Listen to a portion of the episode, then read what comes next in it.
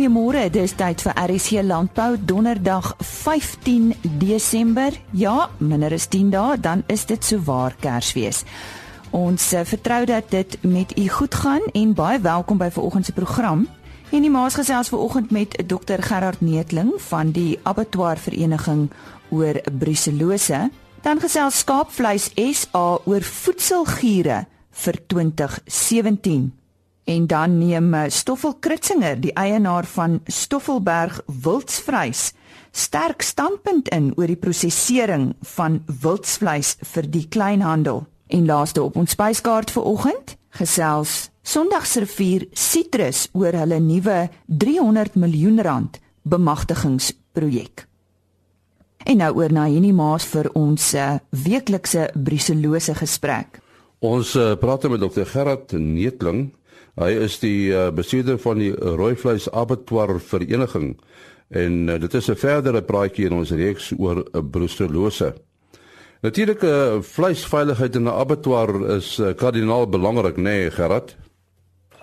Dit is verseker, dit is 'n baie belangrike uh proses eintlik in die omskakeling van ons lewende dier na vleis is 'n belangrike bron van proteïen. Dis reg. En uh, wat, wat doen julle om brucellose te bestry? Kan mense dit op abattoir vlak hanteer? Wel, in die eerste plek is dit belangrik om te om om te onthou dat dat in teenstelling met byvoorbeeld melk is rooi vleisspanne besmette dier nie gevaarlik vir die verbruiker nie. So ons het in in ten opsigte van brucellose het ons 'n veilige produk aan die aan die verbruiker en daar is nie risiko's nie. Die risiko vir van die brucellose is egter wel vir die hanteerders van hierdie diere by die abattoir en ook tydens die slagproses. Ons roodvleisregulasies maak voorsiening dat bekende brucellose reageerders by die abattoirs dat personeel dan hierdie diere sal slag met beskermende oorklere addisioneel tot wat hulle normaalweg sou dra. So dis dan maskers en handskoene om juis om besmetting te voorkom. Vind julle uh, dat uh, hierdie maatreëls uh, goed funksioneer? Ja, en die die, die maatreëls funksioneer wel goed. Die probleem wat ons egter tans het met brucellose is dat onder aan nie verpligte ehm um, skemas in plek is nie. Uh is dit so dat brucellose beeste wel aangebied word by abattoirs wat nie noodwendig gemerk is met 'n seerbrand uh nie en dis besmet is sonder dat 'n um, abattoir dus weet dat hy met brucellose reageerders werk en dit is veral waar die risiko vir die werkers is. En dit is ook hoekom ons in die algemeen uh aan ons abattoir werkers uh, maatreëls in plek het. Byvoorbeeld om uit die hartsakke hande gereeld te was om kontaminasie te voor, te voorkom na vleis toe. Maar dit is ook dis ook 'n maatreël om hulle self te beskerm teen die moontlike besmetting. Die ander ehm um, maatreël wat aan plek is dat enige uh, baarmoeder wat uh, van 'n van 'n uh, koei dat dit nie op die op die slagvloer byvoorbeeld oopgemaak sal word nie, maar dat daar aparte kamers uh, beskikbaar is om hierdie risikoprodukte te aan te hanteer. Nou sou julle dus uh, eintlik maatreëls wil sien uh, wat keer dat uh, brucellose besmette diere by die abattoir uitkom? Ek verseker, die die regulasies van die van die die rooivleisregulasies maak al reeds voorsiening dat daar eintlik 'n verklaring van gesondheid deur 'n produsent aangebied moet word waarmee hy bevestig dat so 'n dier gesond is en dat hy dat hy ook dat daar nie enige moontlikheid van residue is in die vleis nie. En ek dink hier is brucellose net so 'n belangrike aspek 'n 'n produsent een van die maatreëls wat die produsente dus in in plek moet hê is om byvoorbeeld verse alreeds te en teen brucellose en dit is eintlik alreeds iets wat in 'n verklaring van gesondheid aangedui behoort te word dat daar wetlike vereistes wat van toepassing is op brucellose dat dit wel toegepas word op die plaas. Jy sê dit behoort uh, daar uh, verklaar te word, maar dit klink nie of dit altyd gebeur nie dit gebeur nie in hierdie in in in alle gevalle nie omdat die verklaring van gesondheid baie breed is. Met ander woorde, 'n um, ehm, produsent laai sy diere en hy hy verklaar dit maar op hierdie stadium is daar nie maatreëls in plek om dit in altyd op te volg terug tot by die produsent en om seker te maak dat dit wel plaasvind nie. So ons dink uit 'n voedselveiligheid of in hierdie geval uit 'n dieregesondheid oogpunt is dit baie belangrik dat hierdie verklaring van gesondheid ernstig opgeneem sal word en dat daar ook maatreëls in plek gestel sal word om selfs terug te kan gaan na die plase toe en dit te kan gaan bevestig. Een van die maatreëls wat ons op hierdie stadium op aandring is dat die departement byvoorbeeld onafhanklike vleisinspeksiedienste by al ons abattoirs in plek stel. En ons is van mening dat hierdie inspekteurs by die abattoirs dat dit hulle taak sal wees om ook op te volg of hierdie verklaring van gesondheid wel um, die waarheid. Ja, meeste van julle klandisie is maar seker uh, die die die voerkrale. Dit is so, dit is so dat dat in ongeveer 80% van ons beesvleisproduksie is dit voerkrale en ek moet sê dat in daardie geval is hierdie verklaring van gesondheid is daar redelike kontrole oor baie van hierdie ehm um, van die voerkrale is ook direk gekoppel aan die aan die abattoirs en die sertifisering is van so aard dat dit gewoonlik onder veterinêre toesig by voerkrale plaasvind. So dit is baie beter in plek by daardie 80% van ons uh, produksie as wat dit in sommige gevalle in die res van ons uh, rooi vleisproduksie is. Nou ons sê baie dankie aan Dr. Gerard Neetling, hy is die bestuurder van die rooi vleis abattoir vereniging. Dankie Jenny. Klere is nie al ding wat beïnvloed word deur modes of terwyl trends nie. Voedselkommoditeite word ook beïnvloed deur giere. Die krag van giere en modes word dikwels onderskat en produsente moet bewus wees van giere wat op ons wag in die komende jaar. Ek gesels nou met die projekbestuurder van Skaapvleis SA Marina Bester. En sy gaan bietjie met ons gesels oor hierdie giere en hoe Skaapvleis SA beplan om hulle boodskap hierby aan te pas in die komende jaar. Môre Marina. Môre Lize. Uh, dit is baie lekker om weer met julle te gesels. En ja, kosgiere is 'n baie belangrike onderwerp. En nou um, ons moet seker maak ons maak verbruikers subtiel bewus van hoe ons produkte in die huidige giere en tendense inpas.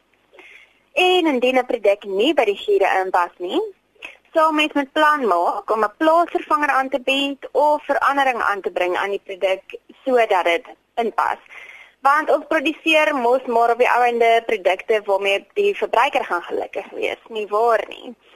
So ek het onlangs 'n verslag vanaf Mintel, 'n internasionale marknavorsingsorganisasie ontvang wat die voedsel en drank hier vir 2017 voorspel. Nou dit was baie interessant om in die afgelope jaar 2016 te sien hoe hulle voorspellings vir hierdie jaar in plek geval het. Byvoorbeeld, 'n groot gier wat ons in 2016 in Suid-Afrika behoorlik sien slandvat het, was vetverloor sy stigma. Al is hierdie 'n nuwe konsep vir banters, nie? Dis nou die mense wat dan nou vir die dieet volg. Het meer en meer mense begin verstaan dat vet nie ons grootste vyand is nie. So al volg hulle nie die hoë vetlaag koolhidrate eet nie, hulle wel begin besef dat vet is nie so sleg soos wat ons al die jare glo dit is nie. Inteendeel, 'n ander voorspelde gierkunsmatig die nommer 1 vyand was die definitief diep spore getrap hierdie jaar en meer mense het begin aandring op regte kos met minder kunsmatige bestanddele. Nou selfs Coca-Cola moet na hierdie verbruikersgier luister met hulle groot uh, nommer 1 produk Coke natuurlik en hulle het 'n splinter nuwe Coke Life, dis nou die groen blikkie uitgebring wat um, 'n mengsel van natuurlike versoeters, stevia, sover as wat ek weet, en vrugtesuikers bevat. Nou, hierdie produk is nou nie dit proe nie soos regte Coke nie, maar dit is 'n plaasvervanger vir die kunsmatige Zero versoeters en dis nou beter as die een wat net sukrose bevat. So ja, tot hulle moet luister na hierdie verbruikers tendens. So nou wat is hierdie verbruikers tendense vir volgende jaar? Hey, dan vir 2017 het die eerste gier my bietjie verbaas, maar terselfdertyd is dit baie goeie nuus vir Suid-Afrikaanse skaapvleis en hierdie gier is in tradisie kan ons vertrou. Ons voorspel verbruikers begin terugbeweeg na daardie ou resepte wat ons ken en um vertrou. Jy weet daai wat jou ouma gemaak het wat jy nog steeds in 'n handskrif het in jou resepteboek. Daardie resepte is dis wat mense na toe teruggaan. Nou kos met nostalgiese koneksies of spesiale geskiedenis is die nuwe gourmet sê hulle.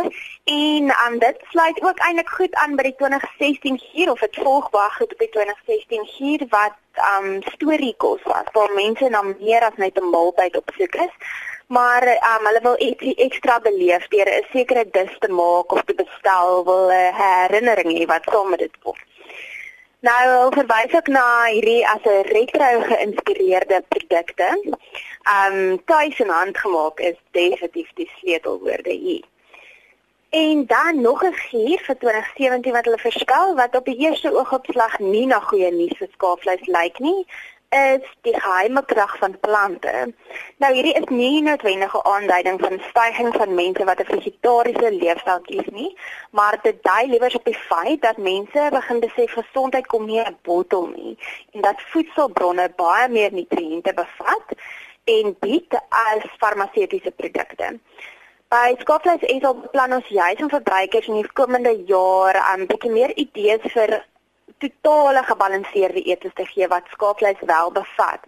Um en nie net 'n uh, alleen aparte resep net vir skaapvleis dis nie. Ons beplan ook 'n groot drive om opvoeding op korrekte porsie groottes te doen, want ons almal weet dit bly maar 'n probleem en dan dit som met gesonde kosse te sit wat nou 'n volle gebalanseerde maaltyd vorm.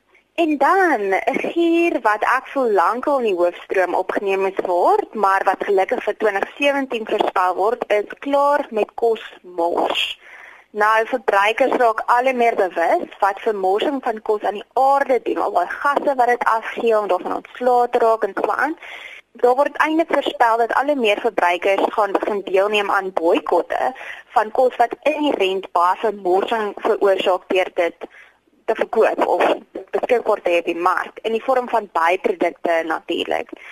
Ons sal baie ernstig moet konsentreer om verbruikers gerus te stel oor die feit dat skaapvleis se byprodukte goed en wyd benut word soos wat ons almal reeds weet as ons produsente is.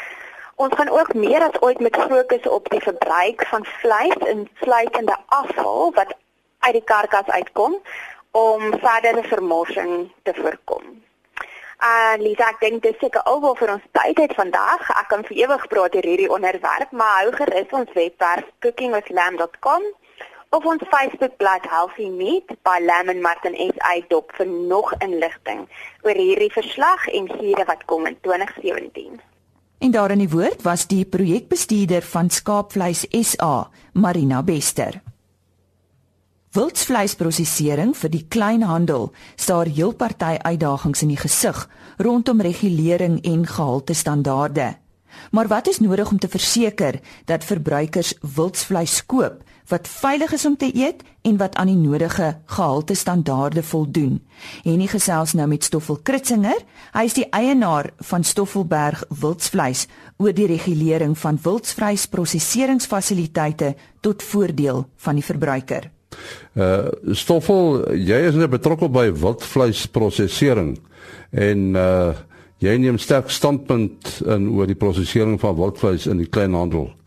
Uh dit moet natuurlik onderskei word van die wildvleis afkomstig van byvoorbeeld trofeejag. Wat is jou standpunt hieroor? Kyk volgens die die nuwe wetgewing is daar prosedure net soos wat met rooi vleis prosedure het of rooi vleis prosedure het as rooi vleis in 'n abattoir inkom, dan is daar 'n sekere prosedure hoe hy geslag word, hoe sy vel afgehaal word, hoe hy ontwy word en hoe hy geïnspekteer word.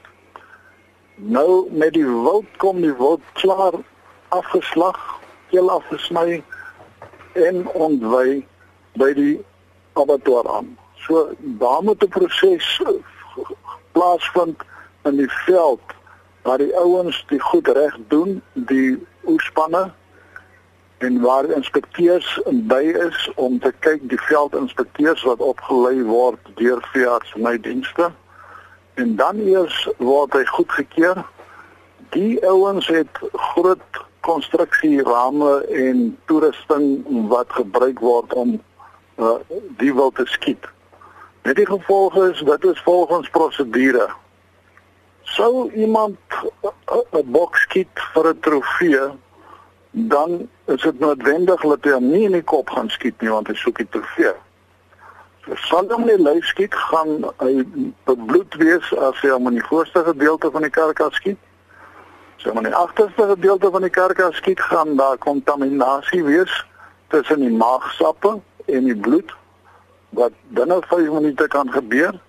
Dan moet jy aanvaar, dan gaan my bok lê in die son. Hy gaan foto's geneem word en dan later word hy huis toe gery, dan word net die voorste gedeelte van die vel afgesny. So hy's nie ontwy nie.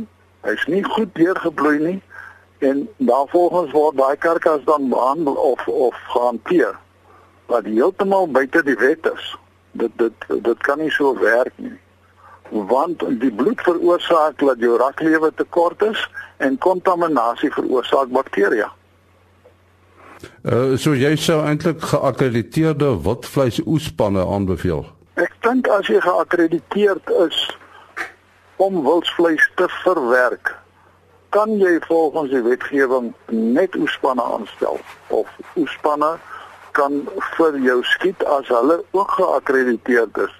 Jy kan nie gewone ouens vat om te gaan skiet nie want die prosedure van van die uh verwerking van die wild binne in die veld, dit is wat belangrik is. Veiligheidsstandaarde moet moet natuurlik ook toegepas word. Veiligheidsstandaarde is dan reeds daar want hulle het klaar uh inspekteurs wat aan die veld is. Dan kom die bok in na ons toe dan het ons al onafhanklike inspekteurs wat dan weer inspeksie doen vir veiligheid vir siektes soos masels en alles wat daarmee gepaard gaan en dan kry jy 'n stempel op dat hy higienies veilig is. Dan gaan van elke batch nommer gaan daar nog snitte na die laboratorium toe waar dan verdere toetse ondergaan om te kyk wat die bakterie telling is en ensovoorts ensovoorts ensovoorts. So ja, uit en uit is die vleis op die einde van die dag as op die rak kom as reg. En en die naspeurbaarheid uh, in die wildvleisbedryf, hoe, hoe belangrik is dit? Dit is baie belangrik want ek meen uh, sou hulle iets optel wat nie lekker is nie of jy kom ons sê byvoorbeeld jy uh, het nou 20 of 10000 bokse op die rakke van van van groot winkels dan moet jy weet waar om te gaan soek na jou traceability uh, uh stelsel sodat jy daai daai goed van die rakke kan afhaal want dit is dan nie geskik vir menslike gebruik nie. En ons weet nou van heelwat wildboere wat sogenaamde vleis abattoirs, wildvleis abattoirs op hulle pla plase opgerig het. Dis natuurlik vir die prosesering van jagtogvleis. Nou hierdie geriewe is dit geskik vir vleis aan die kleinhandel. Dit is geskik vir jagters om hulle eie vleis te verwerk. Die wet bepaal dat ons kan ook enige persoon se vleis vir hom werk, maar dit moet direk na hom toe teruggaan. Dit mag nie verkoop word aan die mark nie. En die maas wat daar gesels het met Stoffel Kritzinger, eienaar van Stoffelberg Wildsvleis. Die Sondagsrivier Sitrusmaatskappy het 'n 300 miljoen rand bemagtigingsprojek bekend gestel. Ek gesels nou met Ken Nieuwenhuisen, hy's direkteur vir transformasie en ontwikkeling. Ek het uh, in Junie maand ook met hom gesels oor uh, van hulle projekte. Môre Ken, uh, net so in die algemeen, hoe lyk omstandighede daar in die Sondagsriviervallei? Nee, wat ons klaar nie, Lisa, jong, ons het weer baie baie goeie seisoen agter die blad uh volume bietjie af deur die jaar, maar pryse was baie goed in die mark en uh die boere se inkomste is weer baie baie goed. So ons kan nie kla nie. Ons sal net vra 'n bietjie reën wil hê natuurlik. Ja, nee, ek verneem soos jy gesê het, is dit baie droog. Kom ons gesels oor hierdie projek van julle, 300 miljoen rand. Dit is baie groot. Ja, Lisa, dit is 'n groot projek. Dit is uh, uit die aard van die saak ook 'n langtermynprojek. Ons begin van uh, van niets af met uh, net bosgrond en uh, en 'n waterlisensie op hierdie stadium. Uh so dis 'n lang pad vorentoe, maar die potensiaal is uh is uitsonderlik en ons is baie opgewonde daaroor. En waar gaan dit uh, geleë wees? Man, dis in die in die amper in die middel van die Sondersaviervallei as ek dit so kan verduidelik. Dis in 'n area by die naam van Sunlands uh op 'n grondpad uh, tussen Sunlands en Uitnaag. Uh nie ver van die van die van die middel van die vallei af nie. So dis goed geleë. Ehm um, en is 'n stuk grond wat op die oomblik net bosgrond is. Uh ons het onlangs ons waterlisensie gekry. Ons was baie opgewonde daaroor. En nou het ons natuurlik ehm um, 'n uh, projek waarmee ons kan ernstig raak. So ons is in die beplanning nou in uh met veral die omgewings impakstudie wat gedoen moet word. En ons hoop dan in sê maar einde 2018 vroeg 2019 ernstig te begin met die werk. En die doel van die projek? Lise, die hele doel van die projek is om 'n uh, geleentheid te skep vir ons sitrusboere uh, onthou hulle is nou ons aandeelhouers in ons sitrusmaatskappy om 'n geleentheid te skep vir hulle om in 'n uh, bemagtigingsprojek te investeer namens hulle en hulle plaaswerkers. Ehm um, 'n klein sitrusplaasie is nie meer volhoubaar nie. So ons het dus 'n groot projekkie aan die gang en dit skep dan die geleentheid om 'n groot klomp mense te kan bemagtig en te kan bevoordeel. So dis die plan. Die boere sal belê in die projek namens hulle en hulle mense en oor die jare sal die die die plaaswerkers van elke boer dan uh sy dividende kan kry uit die winste van die uh plaasbesigheid. En die naam van die projek ken? Ikamvaletu, dis 'n Khoza naam en uh die betekenis daarvan is ons toekoms. So ons het dit heel toepaslik gevind en uh die naam is 'n goeie een vir ons. Ons gaan Lise seker so 350 tot 400 plaaswerkers kan insluit in die projek. Uh ons gaan ook die geleentheid gebruik om ons permanente pakhuismense wat uh, natuurlik baie van hulle werk al 'n lang tyd saam met ons om hulle ook in te sluit in die projek in 'n in 'n uh, aandelegroep, aandeelhouersgroep as ook dan die werk die permanente werkers wat uiteindelik op die plaasie toe sal werk. So daardeur is ons dan die 450 mense gekry wat ons sal bevoordeel en uh almal baie opgewonde daaroor.